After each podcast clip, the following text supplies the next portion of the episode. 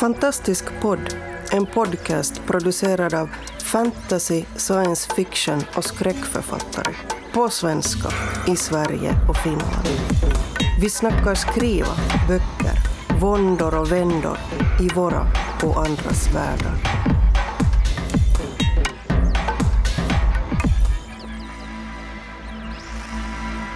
Hej och välkomna till ännu ett avsnitt av Fantastisk podd. Och denna dag så är det återigen Stockholmsgänget som är här för att uh, susa sina små sånger i dina näpna öron. Och, förlåt, vad säger jag nu? Det var inte konstigt. Nej, det är jättebra. Fortsätt, fortsätt. Ja, och, med, och med mig har jag uh, Boel Berman, uh, Marcus Sköld och uh, Anders uh, Björkelid. Ja! Yes, yes. Uh, och, och, och jag heter Oskar Kjeller alltså också. Bra. Just det, precis. Mm, bra. Nej men Oskar, jag tror jag började fnissa för att det lät så mycket som en sagoberättare och det är väl jättepassande. Eftersom vi, vi ska prata om att eh, kanske rymma verkligheten lite. Ja, precis. Vi skulle ha tema verklighetsflykt idag. Eh, Och Boel, det var ju faktiskt du som föreslog det här ämnet. Varför det? Alltså det är ju kanske av två anledningar. Det ena är ju rent krasst lite allvarligt att, att världen är ganska turbulent och, och mörk och man vet inte riktigt vad som pågår. Och det gör ju att man söker sig till någon slags trygghet. Och jag tror att i vårat fall så kanske det är just att vi söker oss till att till att besöka andra världar. Eller att fly bort från jorden. Eh, eftersom vi ändå har fantastiken både i skriven och i läst och upplevd form av olika slag. Eh, det andra anledningen är att jag har haft ett, håller på med ett Harry Potter-maraton i filmväg. För att det finns ingen filmserie som kan få mig att känna mig så trygg och ombonad. Och ja, det är jävligt och hemskt och det finns mörker där, men det löser sig ju. Mm. Eh, spoiler. Va? Va? Äsch. Ja men du vet, jag har känt mig som en student på Hogwarts senaste veckan. Så jag kände att um, verklighetsflykt känns passande. Men sen är det ju också så att uh, Oskar, vi, vi, nu ska ju du lite hamna i fokus här. För du har ju också faktiskt skrivit något som definitivt kan det- lämna den turbulenta och hemska jorden bakom oss. Ja, precis. Ut i ett turbulent och hemskt kosmos istället. Ja, ja. Ja. Jo, nej, men det är, är helt sant. Uh, angående verklighetsflykt då, så visst, visst flyr de. De flyr från vår verklighet. Vad vi pratar om är eh, min nya bokserie som när detta spelas in släpptes för bara några, några dagar sedan. Som heter Imperiets arvingar. Och eh, det är någonting så, så spektakulärt roligt, tycker jag i alla fall. Det är klart jag har skrivit dem så jag tycker de är spekt- spektakulärt roliga. Eh, Som eh, rymdopera för kids. Fantastiskt. Det är bra. Så det, och, och, och, roligt nog så har ju eh, Rabina Sjögren hakat på det här. Så det är jag och eh, Kalle Jonsson som annars är eh, känd också för eh, seriealbumen Vej som han har skrivit tillsammans med Sara Bjälkgren. Eh, ja så vi Han har, var ju till och med gäst i något avsnitt också. ja, ja men precis, han var ju faktiskt med här för det är nog några år sedan nu. Men, Mm. och pratade om eh, fornnordisk eh, symbolik och sånt där, va? hur man tecknar det. Det var ju just då med, med tanke på, på Vej. Men nu Men- är men han och jag du inne på alltid- sci-fi-spåret. Ja, men Oskar, så länge jag har känt dig så har du alltid haft en oerhörd svaghet och dragning till rymdopera. Jo men det, det, det, det, det är ju för att jag växte upp med det. Typ. Ja. Alltså, Men alltså vi kanske När- ska börja väldigt basic här bara först. Bara. Alltså för hur skulle du definiera rymdopera och vad är det du tycker om mest med det? Eh, Okej, om, om vi börjar från början. Så här, jag, en av mina första stora lä- läsupplevelser när jag gick på mellanstadiet var ju Jules Verne. Alltså den gamla franska författaren. Som är en av science fictions uh, ärkefäder. Han och H.G. Wells är väl två utav de stora där långt tillbaka. Eh, och efter det så blir det Isaac Asimov, Arthur C. Clarke, Robert A. Heinlein. eh, alla de, de stora från den, den gyllene eran. Och jag gillar både lite hårdare SF där eh, man kanske kör lite mer efter vad som faktiskt kanske skulle kunna vara på riktigt i, i framtiden med eh, riktig teknologi. Men jag har alltid haft en enorm förkärlek för det här lite mer äventyrliga. Och det är väl det som man brukar kalla för rymdopera. Eh, lite van eh, som en såpopera. Eh, jag tycker rymdopera är tusen gånger roligare än såpopera. Men det är liksom en, en science fiction där man inte kanske knöka ner sig i massa teknik och massa vetenskap. Och, jag, tycker om det också, men det är inte det som är fokus.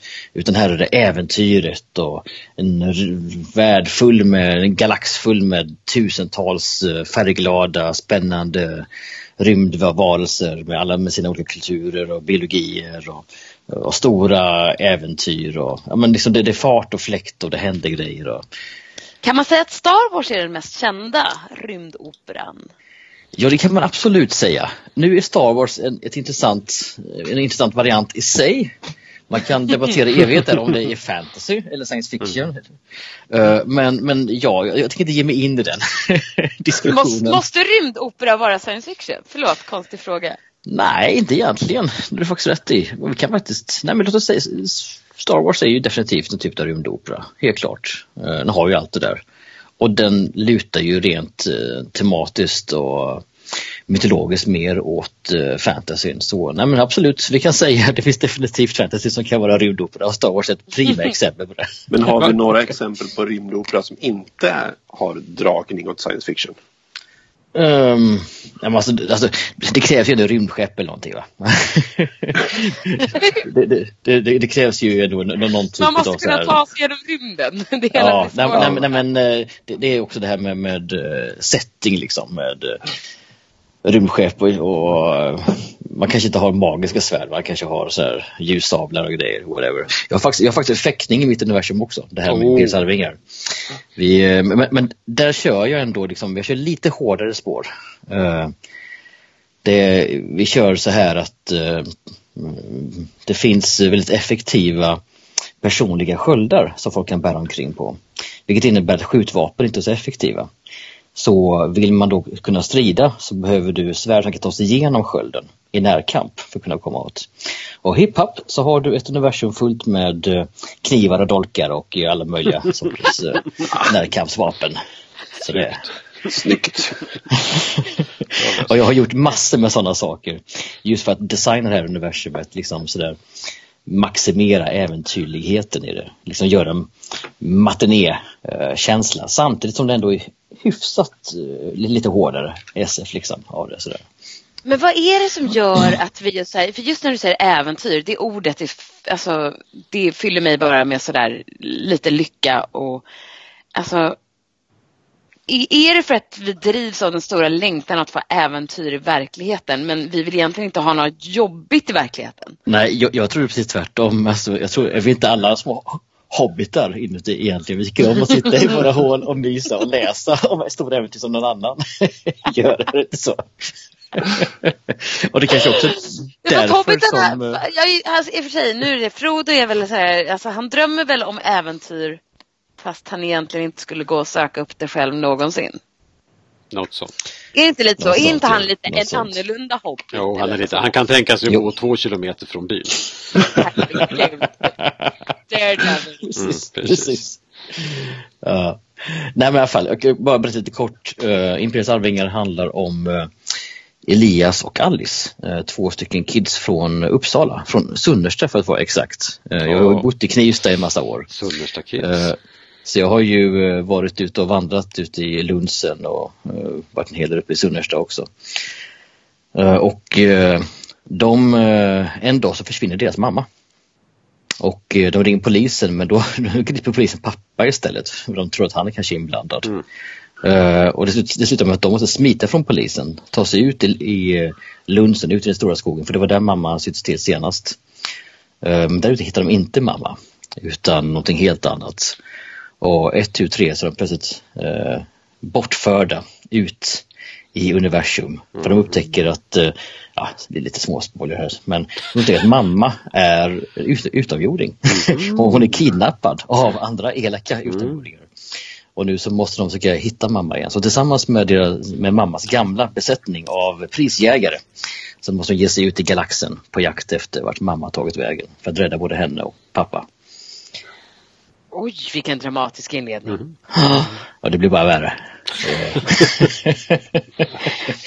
Nej, men jag och Kalle har uh, haft jättekul med det här. Både med att uh, med själva äventyren som sådan uh, och med att designa upp det här universumet med alla olika raser och med stilar. Och det finns ett gammalt imperium där ute också, ett gammalt fallet imperium med efterlämnad teknologi och sånt där. Som de här ja, jag ska inte säga för mycket här men det, det, det, hände, det hände grejer. Det här är, det ska bli en serie va? Det är första av ja, flera?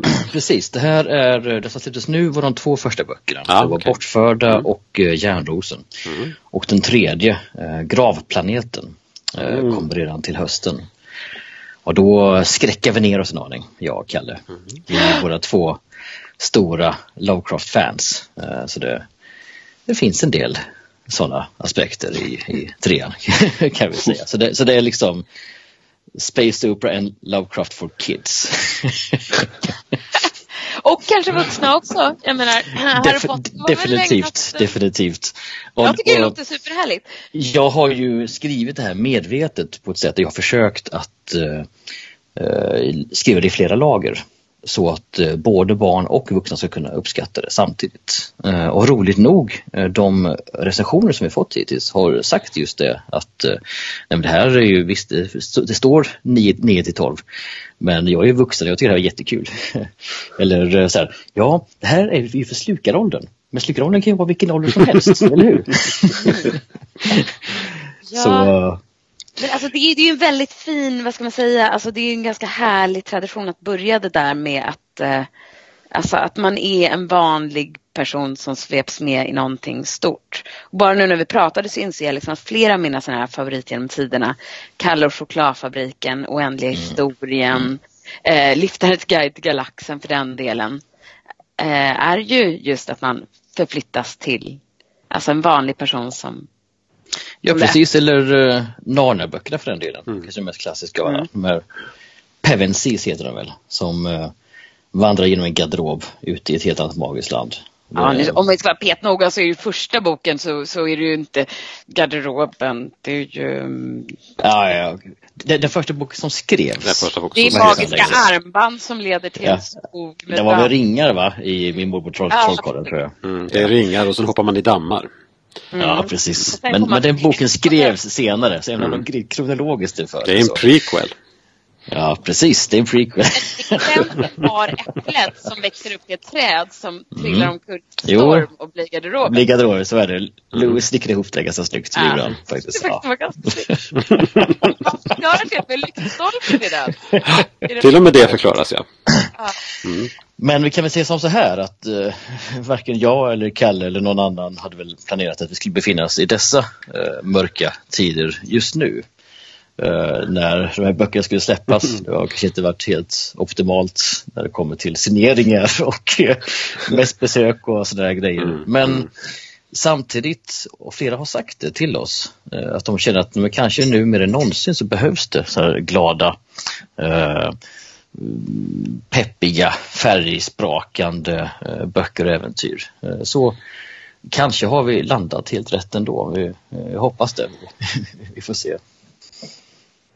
Alltså jag tror det. Men du är tillbaka så här, nu ska vi försöka hitta tillbaka till det här med verklighetsflykt och just så här, vad är det som får en att släppa? Och jag menar, eh, alltså, för nu har vi pratat alltså, just om att förflyttas till rymden.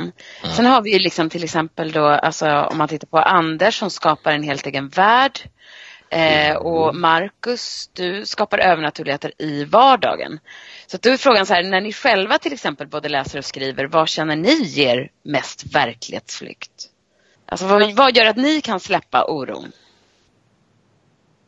Oj vad tyst det blev. Ja.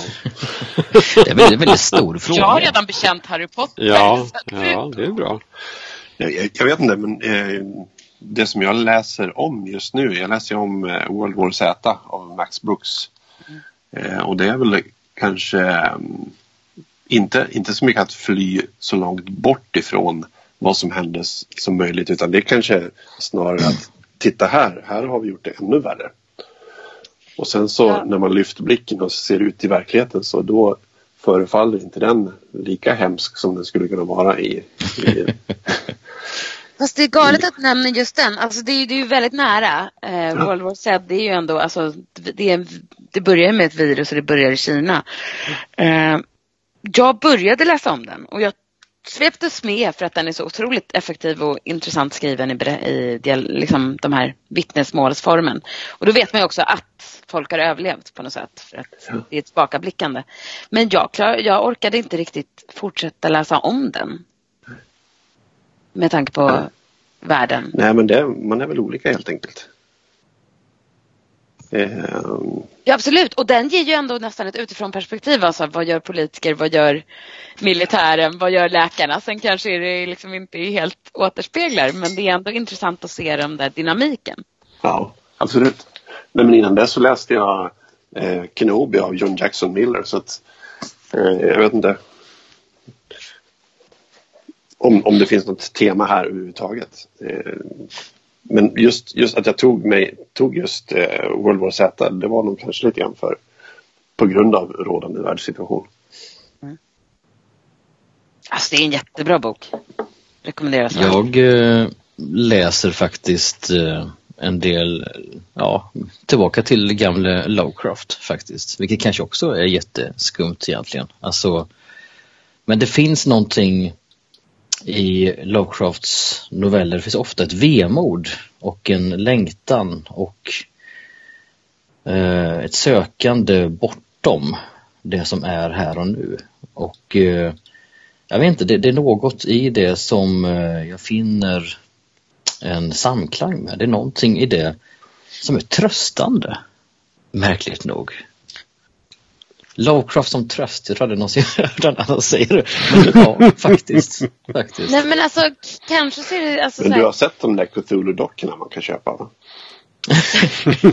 Ja, det var det mysigt att ha hemma krama. Men, men då är det kanske inte främst Cthulhu vaknar eller någon annan av de där mer stora utan kanske mer de här lite mindre eh, drömnovellerna.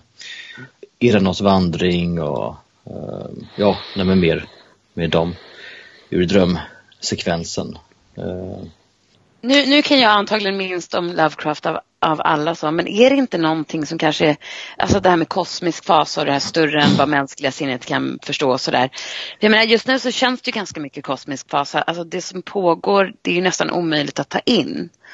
Eh, och man önskar att det fanns antingen en mening eller en plan eller liksom någonting. Folk letar efter någon slags facit tror jag just nu.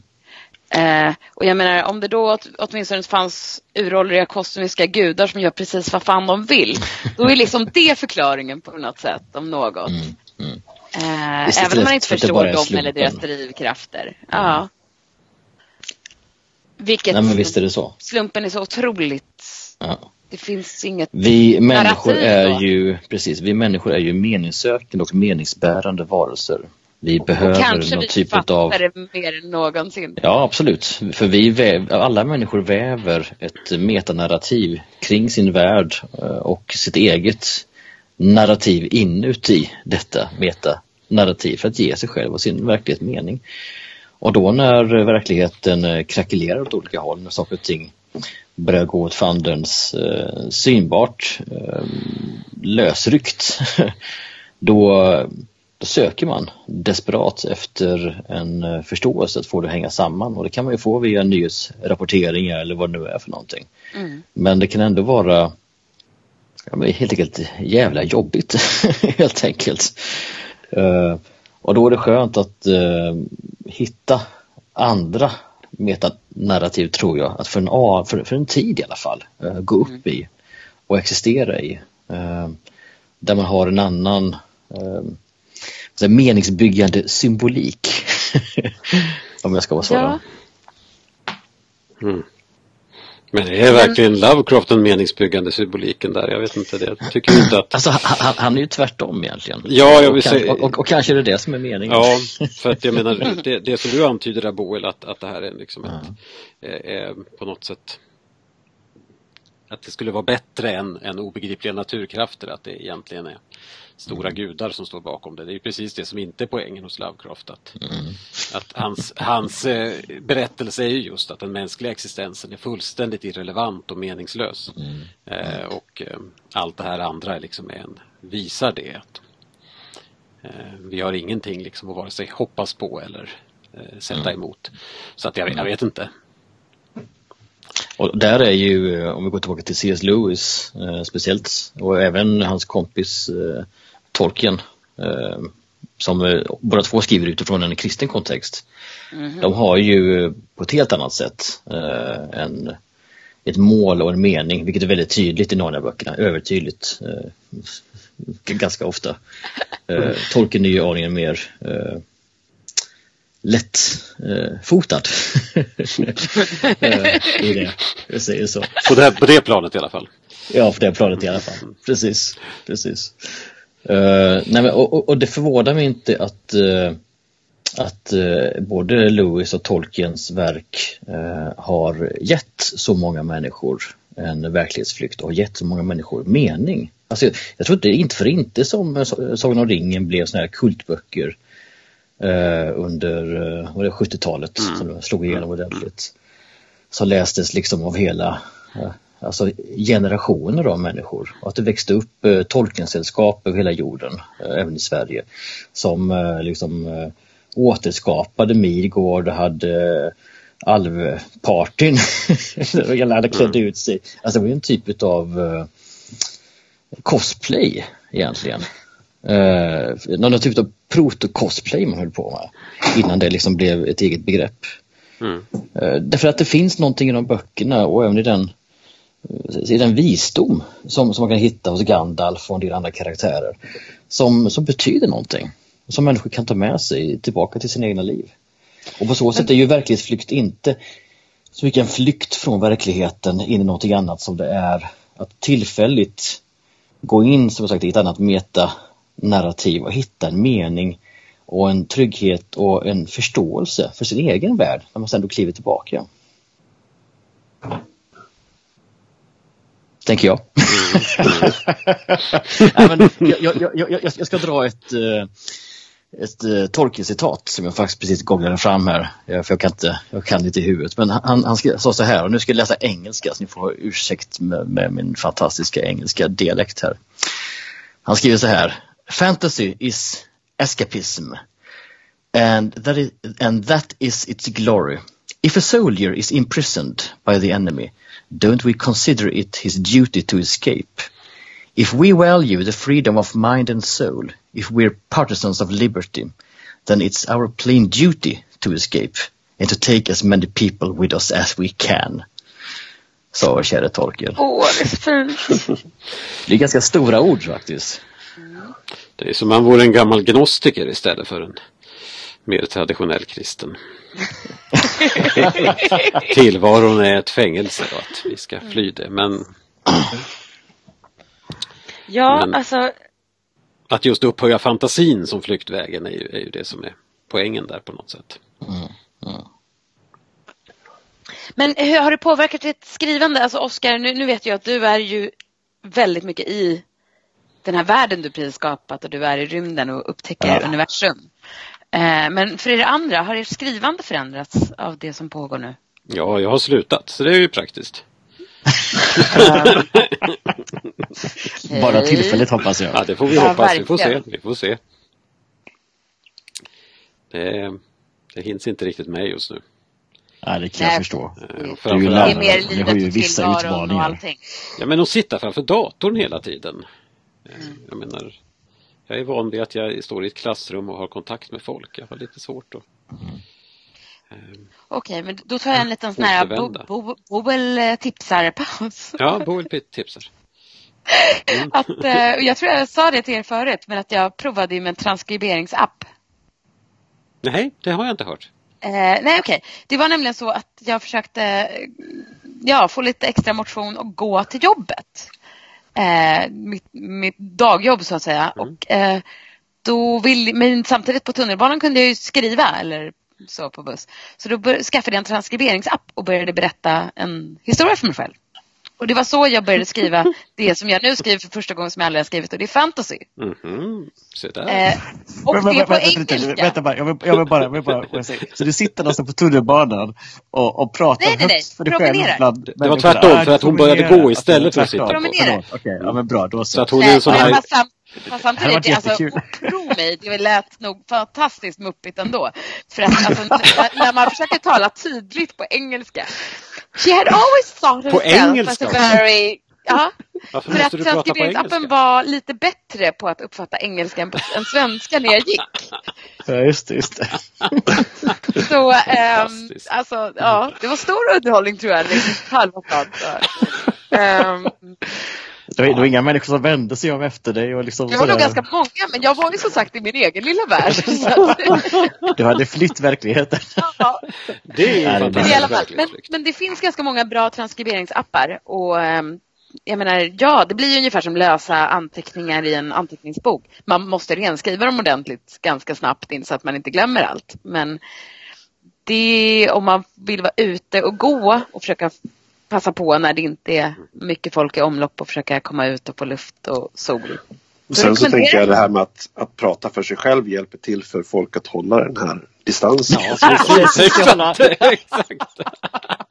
Automatisk social distansering. Ja, alltså, eh, Kommer Alltså, hon gick Det igen? kan man göra man på en full, fullsmockad buss också. Så då får man halva bussen för sig själv.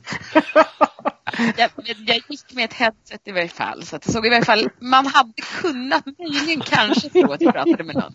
Jättekonstigt. Ja, fast just om man berättar en berättelse på engelska för sig själv, det är nog aldrig... Dit har vi inte kommit att det är helt socialt I accepterat. vilket fall. Så att eh, Anders tillbaka till att om du inte känner för att sitta vid datorn och skriva. Ja. Men jag kan kan, ty- kan tyvärr inte gå ut när det är sol ute för att då sitter jag i samtal med eleverna fortfarande. Snart så kommer vi ju in i den tidsperioden på året då det är ljus Sol längre. nästan jämt. Mm, precis, jag hoppas på det. Det ska bli skönt. Det kan vara skönt att komma ut. Det pågår liksom distansundervisning här åt alla håll och kanter. Även sonen är hemma och får det. Så att... Just det. Ja, det, Ja. det är ju mm, lite av en verklighetsflykt det där att jobba på distans också. Nej, nej, jag hade tänkt mig det, men det är inte det. jag tycker inte det. Det är ju det! Alltså, Nej. förlåt, men det är ju science fiction om du hade tittat Ja. på det för inte många år sedan. Liksom. Jo, om man hade läst om det då hade det varit verklighetsflykt, men inte att vara i det, det, det håller jag. Det, det tror jag väl, kan vi väl, kan vi inte komma överens om att det är en av grundsakerna för verklighetsflykt? Att det är väldigt svårt att, att uppleva den om man lever i den. Det är ju då är man ju just i verkligheten. Så kan det vara. Jag har alltid haft lite svårt med själva begreppet verklighetsflykt för att jag tycker ju att själva eh, verkligheten är ofrånkomlig. Och att jag har alltid hävdat att just att läsa om andra världar eller något sånt där också är en del av verkligheten och faktiskt en, är faktiskt en av eh, fördelarna liksom, perksen med att vara människa, att man kan göra det.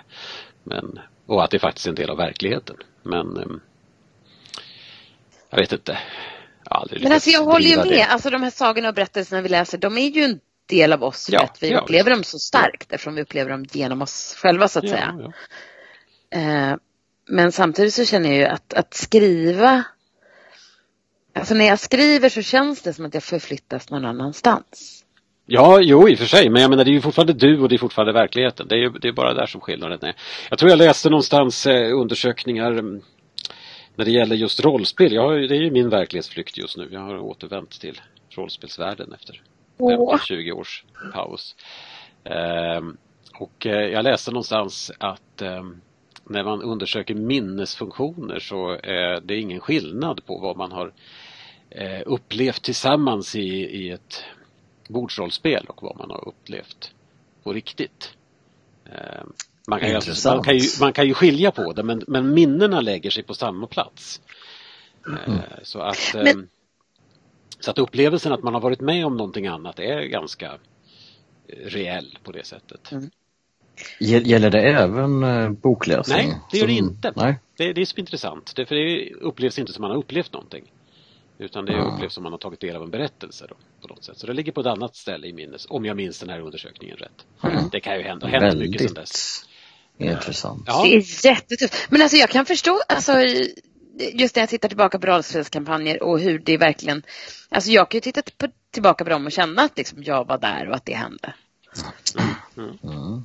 Det är ju därför det blir så outhärdliga berättelser när, när rollspelare ska berätta för andra vad som har hänt i deras eh, påhittade världar. Och, och det, är, det är fullt liksom rimligt och, och relevant för den här personen som har upplevt det här och det är helt renons på betydelse för någon annan liksom som inte har någon koppling till det. Lite grann som om man gick ut och berättade berättelser för sig själv. Liksom. De Det, det ska, vi väl, ska jag väl också rekommendera, alltså nu är det faktiskt inte jag utan min sambo som kör det, men alltså rollspel alltså Mm. med kompisarna över Skype eller Google Hangouts och Jag sådär. försöker precis fixa det också för att det ska kunna Mm. fortsätta.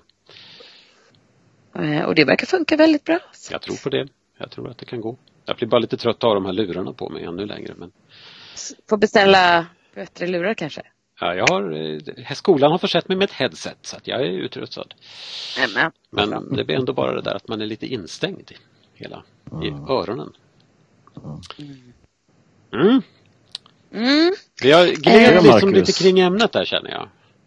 Ja, men det... Alltså, jag, är jag tycker det här är fantastiskt. Så att, att det finns ingen verklighetsflykt för verkligheten är ofrånkomlig. Men samtidigt är det som ger oss trygghet och magi är en del av vår riktiga vanliga verklighet. För då betyder det ju att Harry Potter är mi, mitt liv just nu. Ja men det är det ju definitivt. Det är det ju helt klart. Eh, Nej, jag skriver ingenting. Jag skriver inte, just nu så skriver inte jag på någonting nytt utan jag håller på och redigerar en roman. Så det är, Det är också Ja. att skriva. det är också att skriva men det är liksom inte riktigt eh, i samma utsträckning det här att man, man eh, när man skriver så, så uppfinner man ju lite grann hela tiden upplever jag. Alla skriver på olika sätt. Men eh, även om jag återvänder till, till världen när jag redigerar också så, så är det inte riktigt, riktigt samma eh, djupa eh, inlevelse som när man faktiskt eh, skriver och kommer på någonting nytt. Där skulle jag kunna tänka mig att, att eh, jag tänkte på den här parallellen med rollspel igen. Att, eh, att man upplever det som att man faktiskt har varit med om det. Att eh, när man skriver någonting så jaha. minns ja. man nog kanske det på, på ett liknande sätt. För jag förstår att det inte är på samma sätt när man, när man läser. Men eh, Nej, nej, jag, jag, förstår. På, ett konstigt sätt så hoppas jag på inte med tanke på att jag har skrivit så himla mycket kris och katastrof och apokalyps och postapokalyps och virus och jäkelskap. Eh, Men har inte ni det betyder upplevt bara att jag är en djupt traumatiserad människa då. Men har, har inte ni upplevt det att man pratar om, om någon berättelse som man har skrivit och sen så eh, kommer man inte riktigt ihåg om det här, det som man tänker på är någonting som faktiskt för, kom med i den slutgiltiga versionen eller om det är någonting som, Mm, som mm. ströks Oh ja, i redigeringen. Definitivt, helt Absolut. klart. Och det är det jag tänker känns som en, som en skillnad mellan, mellan att eh, verkligen minnas det som något man har upplevt. För att det är så många överlagrande alternativ hela tiden. Hette Ja, den här sant. personen verkligen så här eller hette den någonting annat?